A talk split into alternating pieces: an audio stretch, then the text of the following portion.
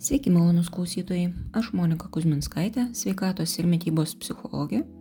Ir čia Šaukšto proto tinklalaidė. Janet Geringer Voitits - Suaugę alkoholikų vaikai. Kaip nusimesti skausmingos praeities naštą ir atkurti dvasios ramybę. Tai nėra nauja knyga, bet aš ją įtraukčiau į svarbių skaitinių sąrašą daugumai, ypač kai kalbam apie dešimtmečiais alkoholizmą patyrusį lietuvių, na, ar matyti visai posovietiniai visuomeniai. Visada labai norisi tikėti, kad aš netokia ar netoks, kad aš tai jau įveikiau, kad man taip niekada nebus, bet kol nepažvelgiame tos sluoksnius, kur tūno į pasąmonę paslėpti instinktai, nuostatos, automatinės reakcijos ir automatinės mintis, tol negalim būti tikri, Ši knyga yra svarbi meditacija šią temą. Autorė apibendrino savo išvalgas ir teigia, jog alkoholikų vaikai pasižymė ypatingais bruožais, kurių beje jie ir toliau moko savo vaikus. Net jei jūsų kilmės ir vaikystės šeima apėjo šį reiškinį plačių ratų, galbūt geriau suprasite kitus, kurie nevalingai ir nesąmoningai elgėsi taip, kaip sukonstruotos giluminės jų psichikos struktūros. Jei turit noro ir laiko, būtinai siūlau rasti YouTube ir autorės paskaitą po tekstiniais postais dalinos nuorodoje. E, įrašas atrodo senokas, bet turinys įrašo yra, sakyčiau, neįkainuojamas. Janet Geringer Voitits suaugę alkoholikų vaikai, kaip nusimesti skausmingos praeities naštą ir atkurti dvasios ramybę. Pasilepinti. Žodis pasilepinti mane kažkaip neracionaliai erzina, todėl iškart prašau sustiprintą kritinio mąstymo režimą įjungti savo galvoje. Pasilepinti dažniausiai girdžiu sakiniuose apie desertus, taip pat grožio ir sveikatinimo procedūras, nors ta žodis irgi ne kažką, kartais apie naujus rūbus ar kosmetiką. Pagal tai, ką girdi, norėtųsi galvoti, kad kai kažką, ypač save lepini, tai darai kažką išskirtinai gero, malonaus ar vertingo ir nekasdieniško. Bet lietuvių kalbos žodynė rašo lepinti reiškia daryti lepų išlepusi gadinti nuolaidžiavimu perdėtu rūpinimusi paikinti arba dykinti. Gadinti perdėtu rūpinimusi ar gali savimi rūpintis per daug? Hmm. tyrimai apie lepinimąsi angliškai naudojamas terminas indulging sako, kad daugiau neigiamų emocijų ir mažiau teigiamų emocijų patiria tie, kurie lepinasi guosdami save dėl nesėkmės, negu tie, kurie švenčia pasiekimus. Taip pat tie, kurie lepinasi be priežasties, negu tie, kurie lepinasi su tikslu. Vadinasi, geriau švesti ir geriau lepinti su tikslu. Labai gaila, kad šią temą atvirų straipsnių taip liūdnai mažai. O kaip žmonės dažniau save lepina maistu? Spėju, kad jeigu jau yra comfort food kategorija, tai dažniau turbūt guosdami save. Bet gal aš klystu? Lepinimui skirtas maistas taip pat spėju nėra žali kokteiliai ir daržovių troškiniai. Net jei švenčiame tyčia, sąmoningai, švenčiame pasiekimus, vis tiek tai dažniausiai yra piragėliai, ledai, riepus kepsniai ir panašiai. Na, nes žinia, į riebų ir saldų maistą smegenys automatiškai reaguoja malonumu - dopamino ir serotonino dozę. Todėl čia logiškiau grįžti prie žodino siūlomo gadinti, negu kad bet kokiu būdu daryti savo gerą. Žmonės lepinasi maistu spėjo lygiai taip pat, kaip šaudo fejerverkus, be jokios aiškios naudos, tik dėl gaunamo malonumo. Taip pat būtų galima pamiegoti, pabėgioti ir gauti dozę narkotikų. Narkotikais juk niekas nesilepina, nes prie jų priprantama, o prie piragėlio... Hmm, pala. Vietoj to, kad reakcijos į nesėkmę sukoncentruotą vidinę energiją skirtumėm tai nesėkmiai spręsti, mes atsipalaiduojam dopamino ir serotonino debesėlėje ir iš tiesų padarom savo dvigubą meškos paslaugą.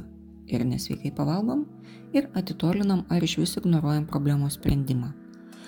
Blogiausia tai, kad žodžiai, kurio darbas yra perspėti ir atbaidyti, mes suteikiam šiltą ir jaukaus žodžio aureolę. Ir staiga ne tik nieko blogo nematom, kad lepinam save, nes tai neva reiškia rūpinti savimi, mylėti save, pripažinti savo pasiekimus, būti nusipelniusiam apdovanojimo, liktėm medam, neužtektų kelių eurų kišenėje.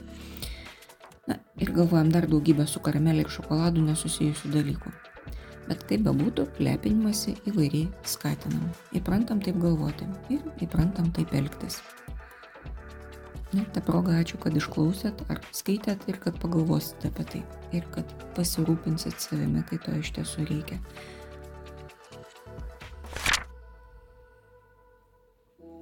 Šiandien pusryčiams valgiau ankštinių daržovių šiupinį.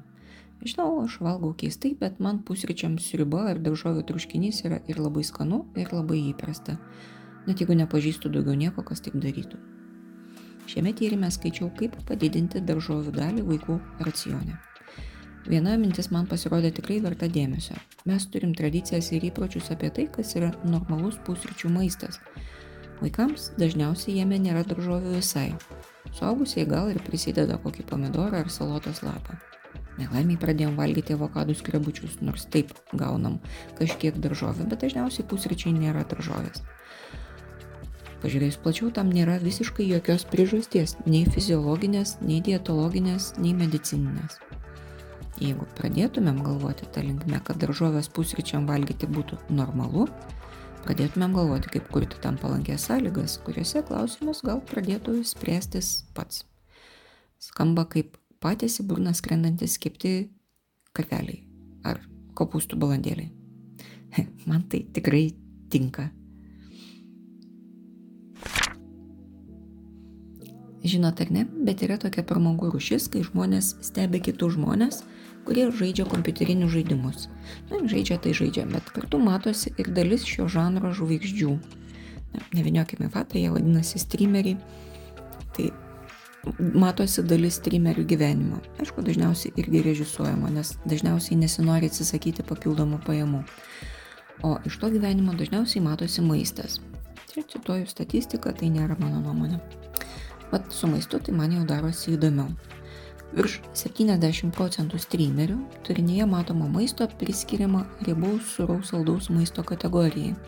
Ir ypač dažnai virš 60 procentų matome energetiniai gėrimai.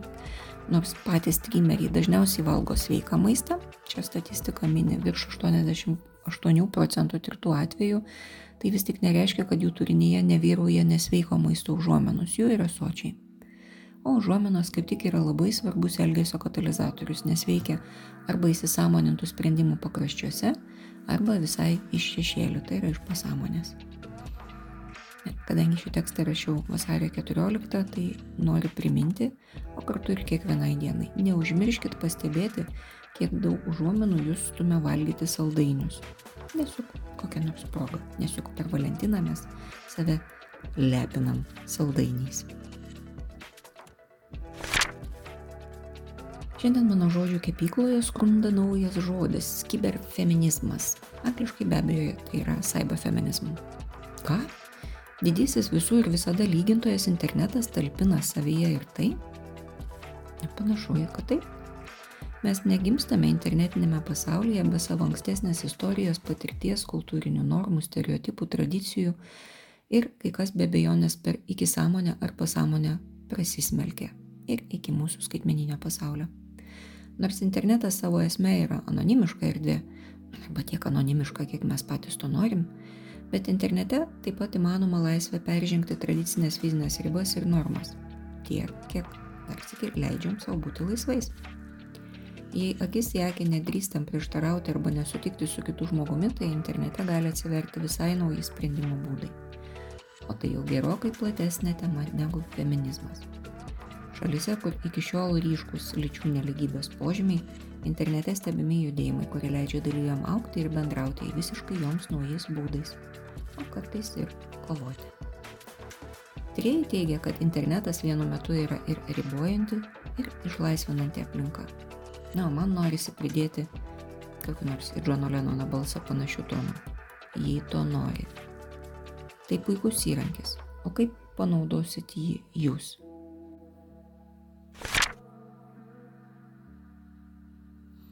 Skiria daug jėgų galvojimui, dar, dar, dar, dar, dar kartą. Galvoja ratais, daugiau aukštėmis spiralėmis uždarose sistemose, kol krentat veidų asfaltą be jėgų. Pabandykim štai ką. Taip, vėl rašykim, mums reikės vėl tuščio lapo arba ekrano. Pradžiai užsirašykim visas mintis, kurias naudojam pergalvojimui. Šį kartą labiau negu visada prašau, užrašykit jums žinomas tradicinės mintis komentaruose. Nu, ten, kur draugas prašė paklausti. O aš pradėsiu. O kas, jeigu man nepavyks? Iš manęs vėl visi juoksis. Man niekada nebus gerai. Už ką man tokia bloga karma? Tai kada gyvenime bus geriau? Koks skirtumas, kam čia stengtis? Nėra jokios prasmės tai daryti. Teskit tiek, kiek jums kyla minčių. Pas kiekvieną mintis gali būti kitokios, tai savas mintis ir užrašykite. Antra. Pažymėkit paukšteliu, gėlytę, kuo tik norit tas mintis, kurios padeda. Ir išbraukit tas, kurios nepadeda. Jeigu padeda, įvardinkit tai, kuo konkrečiai ta mintis gali būti naudinga. Pavyzdžiui, o kas jeigu man nepavyks? Šiaip jau yra geras klausimas, tik naudingas jis bus tada, kai jį atsakysim. Todėl ir mintį verta perlipinti kiek kitokią. Jeigu man nepavyks, atsitrauksiu, sugalvosiu, kodėl nepavyko, kaip daryti kitaip ir darysiu dar kartą. Treniruokitės pasakę A, o kas jeigu man nepavyks, sakyti ir B. Tada sugalvosiu, kodėl ir bandysiu daryti kitaip. Išbrauktas mintis treniruokitės mintise. Išbraukti. Jeigu reikia, iš tiesų įsivaizduokit, kad vėl perbraukėt. Trečia. Rašykit kitą sąrašą, kuris bus sudarytas iš veiksmų. Veiksmas yra geriausias vaistas nuo pergalvojimo. Ne tiek svarbu rasti tinkamiausią veiksmą, kiek svarbu veikti. Veikti, kad būtų geriau. Veikti, kad stiprėtumėt. Veikti, kad perkeltumėt dėmesį į kažką, kas yra naudinga. Turėkit savo veiksmų meniu, iš kurio visada galite pasimti kažką, kai gyvenimas jums paserviruoja liūdėsio, baimės, bejėgiškumo ar nevilties. Veikite.